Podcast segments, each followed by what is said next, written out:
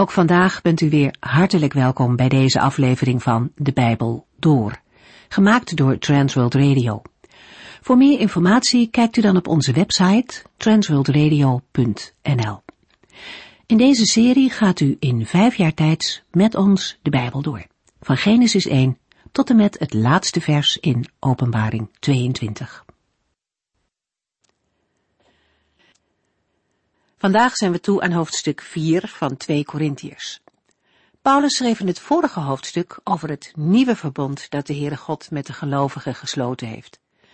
Het oude verbond, de wet, leidde er wel toe dat mensen gingen beseffen dat ze zondig waren voor God. Door de wet werd duidelijk wat een overtreding eigenlijk was. De wet was dus goed, maar het was voor mensen onmogelijk om daardoor het eeuwige leven te verdienen. Hoe goed mensen ook kunnen lijken en soms zelfs zijn, daarmee is het leven bij God nooit te verdienen. In de bespreking van de Romeinenbrief hebben we daar al heel uitgebreid bij stilgestaan, misschien weet u dat nog. En daarom is de Heere God met een tweede, een heel nieuw verbond gekomen. Niet door de wet, maar door de geest van God is er eeuwig leven. Aan de Corinthiërs, en via hen ook aan ons, legt Paulus uit hoeveel heerlijker dit verbond is. Het eerste was goed, het tweede overtreft dat nog. Het is ook een blijvend verbond. Aan de hechte relatie tussen God en zijn kinderen zal geen einde komen. En omdat we deze hoop hebben, mogen we dat ook uitstralen naar de mensen om ons heen. Christenen zijn rijk gezegend. Dat hoeft niet bedekt te worden. Mozes deed een doek voor zijn gezicht om de glans te verbergen voor zijn volk. En wij hoeven geen figuurlijke doek om ons gezicht te doen. Overal en altijd mogen we de heerlijkheid en de liefde van God weerspiegelen. Als het goed gaat, maar soms kan ook juist in moeilijke situaties zichtbaar worden wie God in ons leven is. Paulus vergelijkt christenen met spiegels die het licht van God weerspiegelen.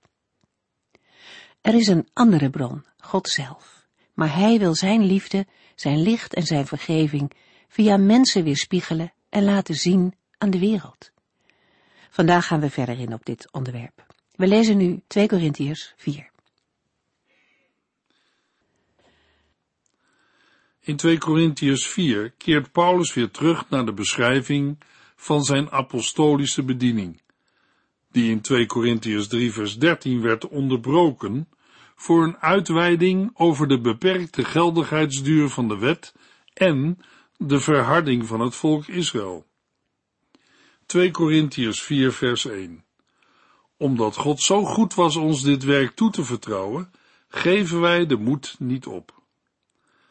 In de woorden van vers 1 horen we de gedachten terug uit 2 Korintiërs 3 vers 4 en 12. Dingen durven zeggen en met vrijmoedigheid doorgeven is geen verdienste van de apostel Paulus. De Heere heeft deze zaken in zijn goedheid gegeven en hem toevertrouwd. De bediening van de apostel is de aan hem toevertrouwde dienst onder het nieuwe verbond. Juist daarom, omdat God zo goed was, Paulus en zijn medewerkers dit werk toe te vertrouwen, geven zij de moed niet op. In 1 Timotheus 1 vers 12 en 13 verwoordt de apostel hetzelfde met de woorden wat ben ik dankbaar dat onze Heer Jezus Christus mij heeft uitgekozen om een van zijn boodschappers te zijn. En dat hij mij de kracht geeft hem trouw te blijven, hoewel ik vroeger zelfs de naam van Christus bespot heb. Aangrijpend hoe de apostel Paulus zijn getuigenis geeft. Hij schrijft zelf, wat is de Heere goed voor mij geweest? Als grote vijand van Jezus en zijn volgelingen, was Paulus, die toen nog Saulus heette, erop uitgetrokken om de gemeente van Christus dwars te zitten en te vervolgen waar hij kon. En toch heeft de Heere zich over Paulus ontfermd. Waarom? Om twee redenen. Paulus wist niet wat hij deed en hij kende Christus niet. Luisteraar, hoe staan de zaken er bij u of jou voor? Zeker, een mens kan tegen het christelijk geloof de kerk en de Bijbel aanschoppen. Maar waarom? Weet u wat u doet? Kent u de Heer Jezus Christus? Paulus is zelf een voorbeeld van iemand die dacht dat hij helemaal op het goede spoor zat. Hij dacht dat hij God diende met de christenen te vervolgen en hen achter slot en grendel te brengen. Maar Paulus wist niet wat hij deed en kende Jezus niet. Paulus was niet opgegroeid in een christelijk gezin. Hij kwam uit een Joods gezin. Hij wist alles van het Oude Testament. En toch zat hij ernaast. Totdat de heiland zelf hem tegenkwam op de weg naar Damaskus. Toen werd hij van een Saulus, een vervolger, een Paulus, een prediker van het evangelie. En nu? Ondanks alle teleurstellingen in mensen en alle vervolgingen om het evangelie, geven Paulus en zijn medewerkers de moed niet op. Hoe kan het? Daarop geeft de apostel ook antwoord, omdat God zo goed was ons dit werk toe te vertrouwen. Het evangelie, de blijde boodschap, is niet door mensen bedacht. God heeft de verkondigers van het evangelie zijn boodschap gegeven. Hij heeft hen dit werk toevertrouwd. Het is voor een mens onmogelijk om zo'n reddingsplan als in het evangelie wordt aangeboden te bedenken en uit te werken. Een goed moment om dieper in te gaan op vragen als leiden alle godsdiensten naar dezelfde God? Of zijn alle godsdiensten gelijk? Is het arrogant van christenen om te zeggen dat Jezus Christus de enige weg naar God is? De mening of gedachte dat alle godsdiensten op hetzelfde neerkomen, stamt al uit de 18e eeuw, de tijd van de verlichting. De redenering is ongeveer als volgt. In alle godsdiensten gaat het om God of meerdere goden. Daarbij gaat het ook om een goed en fatsoenlijk leven en tenslotte over een leven na de dood in een hiernamaals of onsterfelijkheid. Geef elkaar de vrijheid daar op een eigen manier invulling aan te geven en val elkaar er niet mee lastig. Vanuit een algemeen menselijk standpunt en de werkelijkheid van de loop van de geschiedenis met betrekking tot de verschillende godsdiensten is deze opvatting te begrijpen. Het komt neer op twee dingen.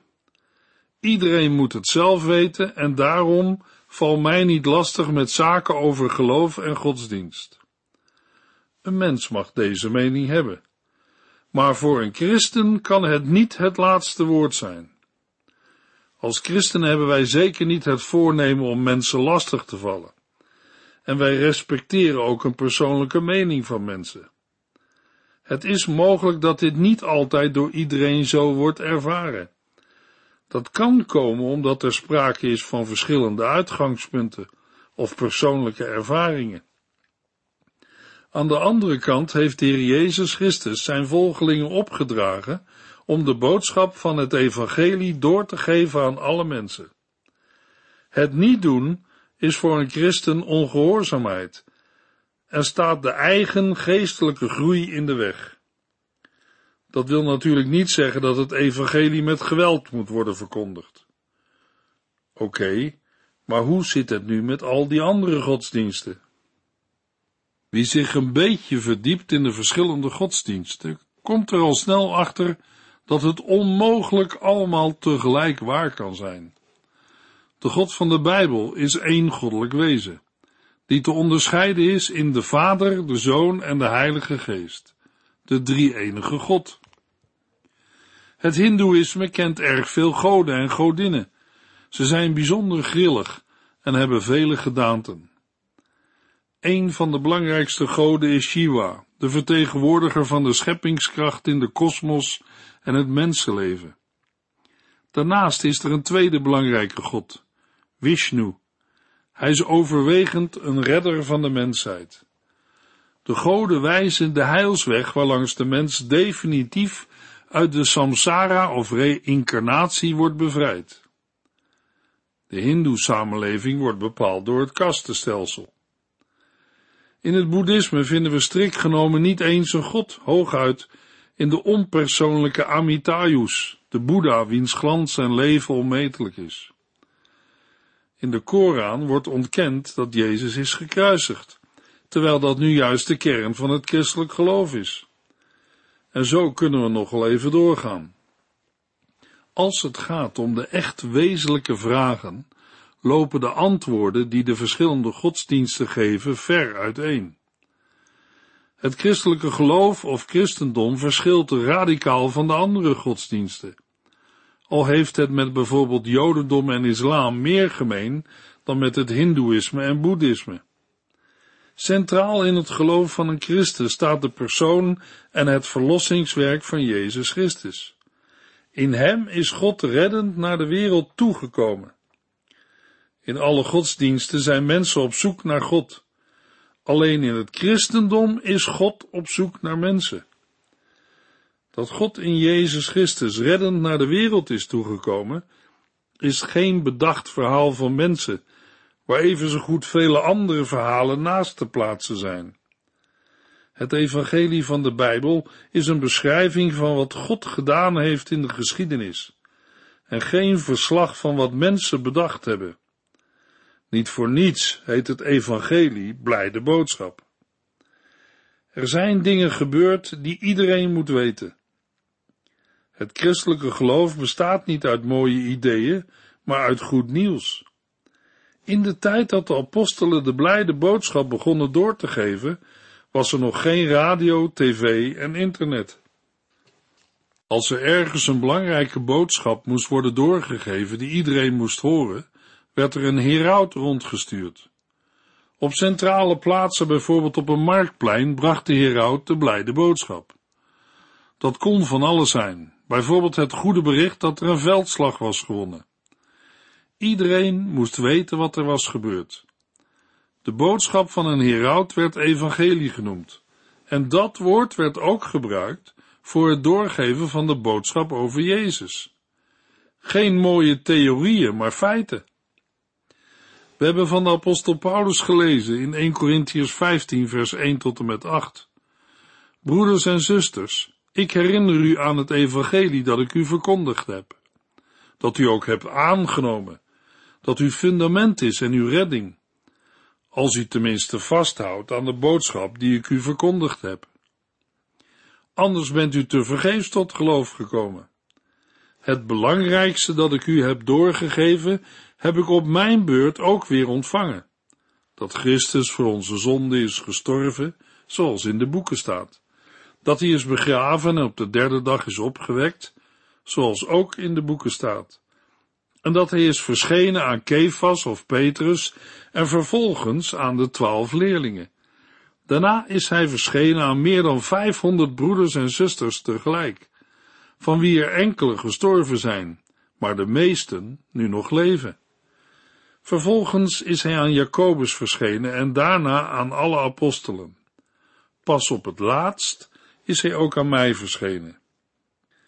In alle andere godsdiensten dan het christendom moeten mensen werken aan hun eigen verlossing. Het evangelie vertelt mij dat een mens dat zelf niet kan.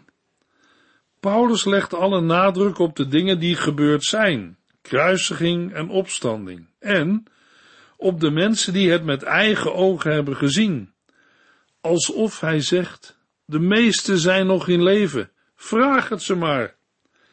De eerste christenen waren geen filosofen zoals Boeddha, maar getuigen. In de tijd van het Oude en Nieuwe Testament was er minstens net zoveel verscheidenheid aan godsdiensten als in onze tijd. Toch schrikken de verkondigers van het evangelie niet terug voor duidelijke en absolute uitspraken. In wezen kregen zij de woorden van de blijde boodschap van de Heere in hun hart en mond.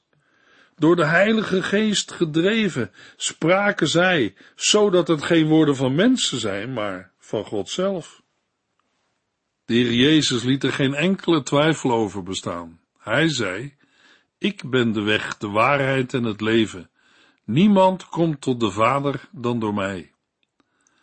Te midden van de keizerverering van de Romeinen, het Griekse heidendom de Mithras-cultus, de filosofie van de Stoïcijnen en wat er allemaal nog meer was in die dagen.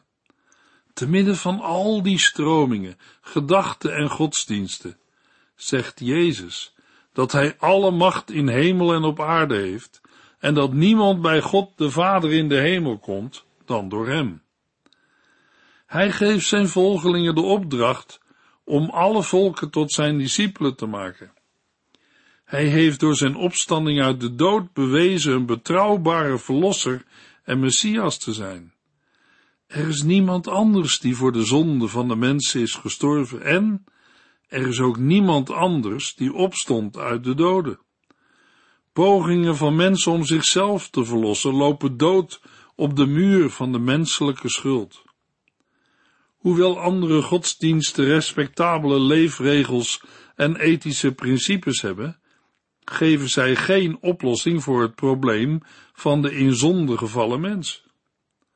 Wie het verschil tussen het christelijk geloof en alle andere godsdiensten wil benoemen, kan dat met één woord doen: genade.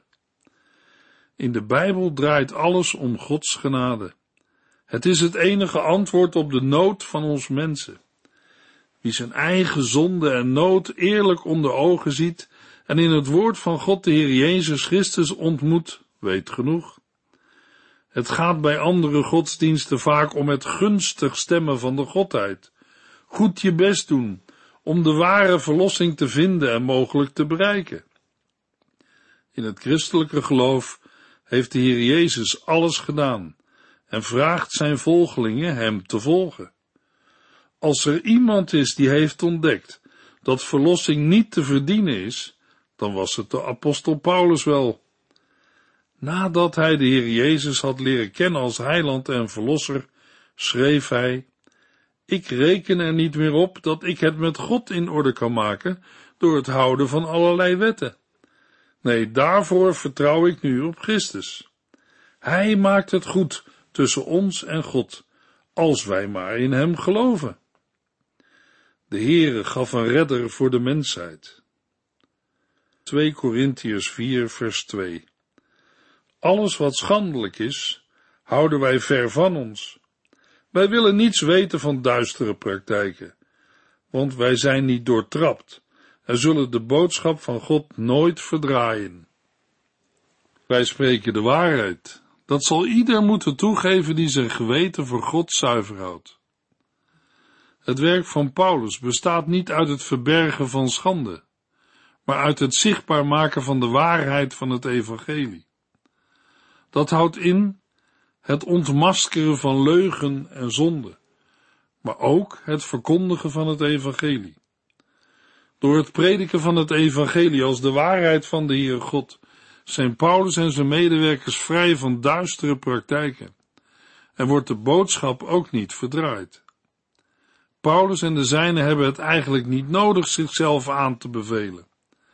Zijn aanbeveling is zijn verkondiging van het evangelie en zijn oprechte levenswandel. De Corinthiërs weten dat best. Als de Corinthiërs luisteren naar de stem van hun eigen geweten en zich voorstellen hoe zij voor het aangezicht van God verantwoording moeten afleggen, dan moeten zij wel tot de conclusie komen dat Paulus en zijn medewerkers ware dienaren van God zijn en dat zij het zuivere evangelie hebben verkondigd.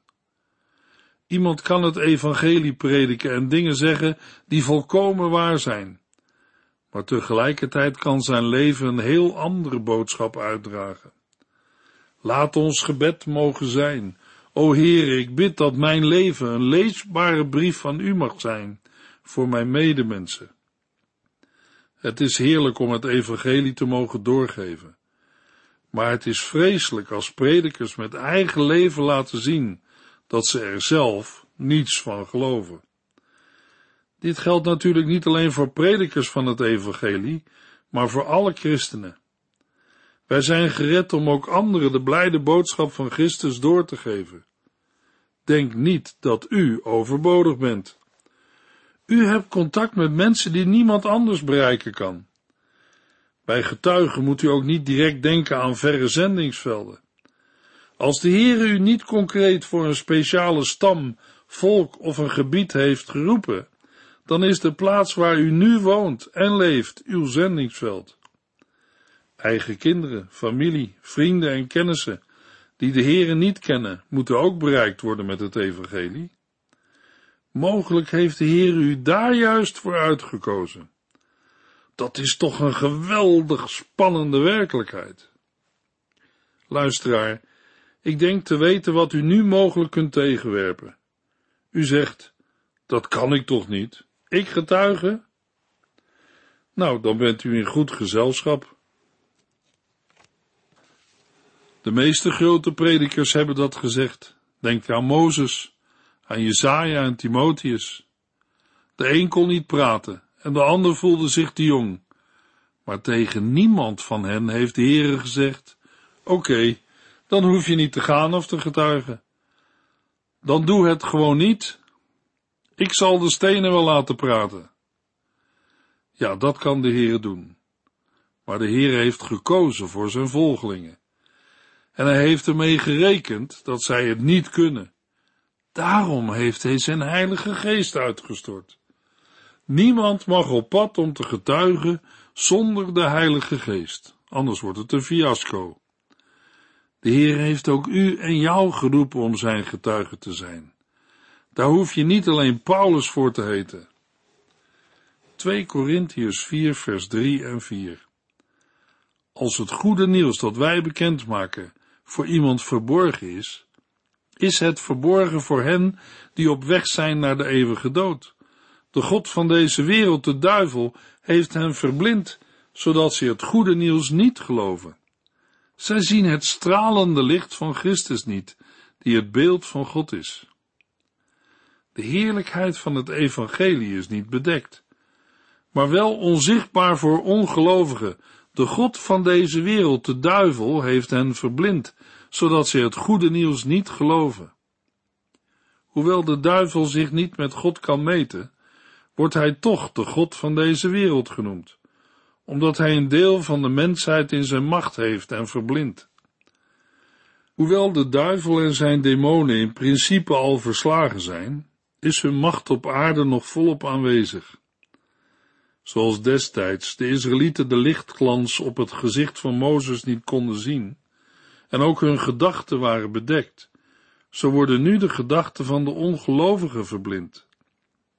Het resultaat van deze verblinding door de duivel is dat zij het stralende licht van Christus niet zien.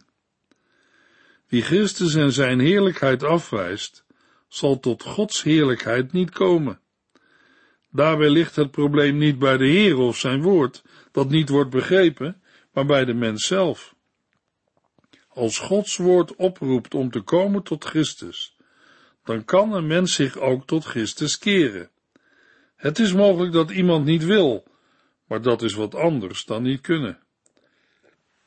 Op het moment dat iemand zover komt dat hij zichzelf als zondaar ziet en zegt, ik ben zover om mijn zonde toe te geven, te beleiden en af te zweren. Ik wil de Heer Jezus Christus aanvaarden als mijn persoonlijke heiland en verlosser.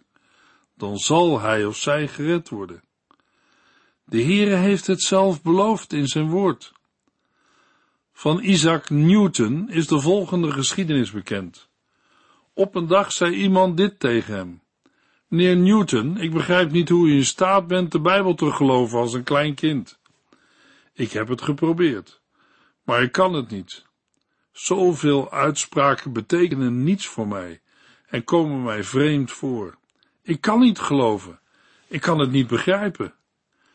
Het antwoord van Isaac Newton was, soms kom ik in mijn studeerkamer en in mijn verstrooidheid probeer ik mijn olielamp aan te steken. Als het kapje er nog overheen zit. Ik morrel wat rond terwijl ik probeer hem aan te steken, maar dat gaat niet. Pas als ik het kapje weghaal, kan ik de olielamp aansteken. Ik ben bang dat het kapje van het olielampje van uw geloof er nog overheen zit. Daardoor gaat het olielampje van geloof bij u niet branden. Keer u tot God in berouw, wees bereid om de geest van God zijn waarheid aan u te laten openbaren. En het zal de Heer een vreugde zijn om de heerlijkheid van zijn genade te tonen, die schijnt in het gelaat van Jezus Christus. Isaac Newton was niet alleen een groot wetenschapper, maar ook een verkondiger van het evangelie.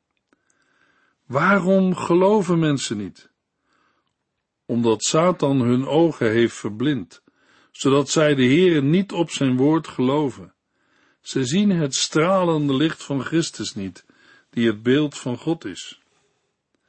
2 Korintiërs 4 vers 5 Wij maken niet onszelf bekend, maar de Heer Jezus Christus. Van onszelf zeggen we alleen dat wij u willen dienen ter wille van Jezus. Het evangelie dat Paulus verkondigt, straalt heerlijkheid uit, omdat de heerlijkheid van Christus wordt verkondigd. Paulus maakt zichzelf niet bekend, maar Jezus Christus als Heere. Jezus Christus is Heer, is de meest wezenlijke beleidenis van de christelijke gemeente. Paulus ziet zich als een dienaar van de Corinthiërs, om hen te dienen met het evangelie. Zijn dienen is dan ook navolging van het dienen van Jezus. De Corinthiërs moeten dan ook niet concluderen dat zij op hun beurt op Paulus mogen neerzien. 2 Corinthiërs 4 vers 6 Want God, die gezegd heeft, laat er licht in de duisternis zijn, heeft in de duisternis van onze harten geschenen en ons doen inzien dat zijn heerlijke glans van Jezus Christus afstraalt. In de volgende uitzending lezen we verder in 2 Corinthiërs 4. U heeft geluisterd naar De Bijbel Door, in het Nederlands vertaald en bewerkt door Transworld Radio. Een programma waarin we in vijf jaar tijd de hele Bijbel doorgaan. Als u wilt reageren op deze uitzending of u heeft vragen, dan kunt u contact met ons opnemen. Tijdens kantooruren kunt u bellen op 0342 47 8432. 0342 47 8432. Ook kunt u een e-mail sturen naar de Bijbel at transworldradio.nl en natuurlijk kunt u ook via de post ons bereiken. TWR, postbus 371, postcode 3770, AJ in Barneveld. Dit programma werd gepresenteerd door Cor Weda en Ike André. Techniek was in handen van Odin van Voerkom. En wij allemaal bedanken u voor het luisteren. Graag tot de volgende keer.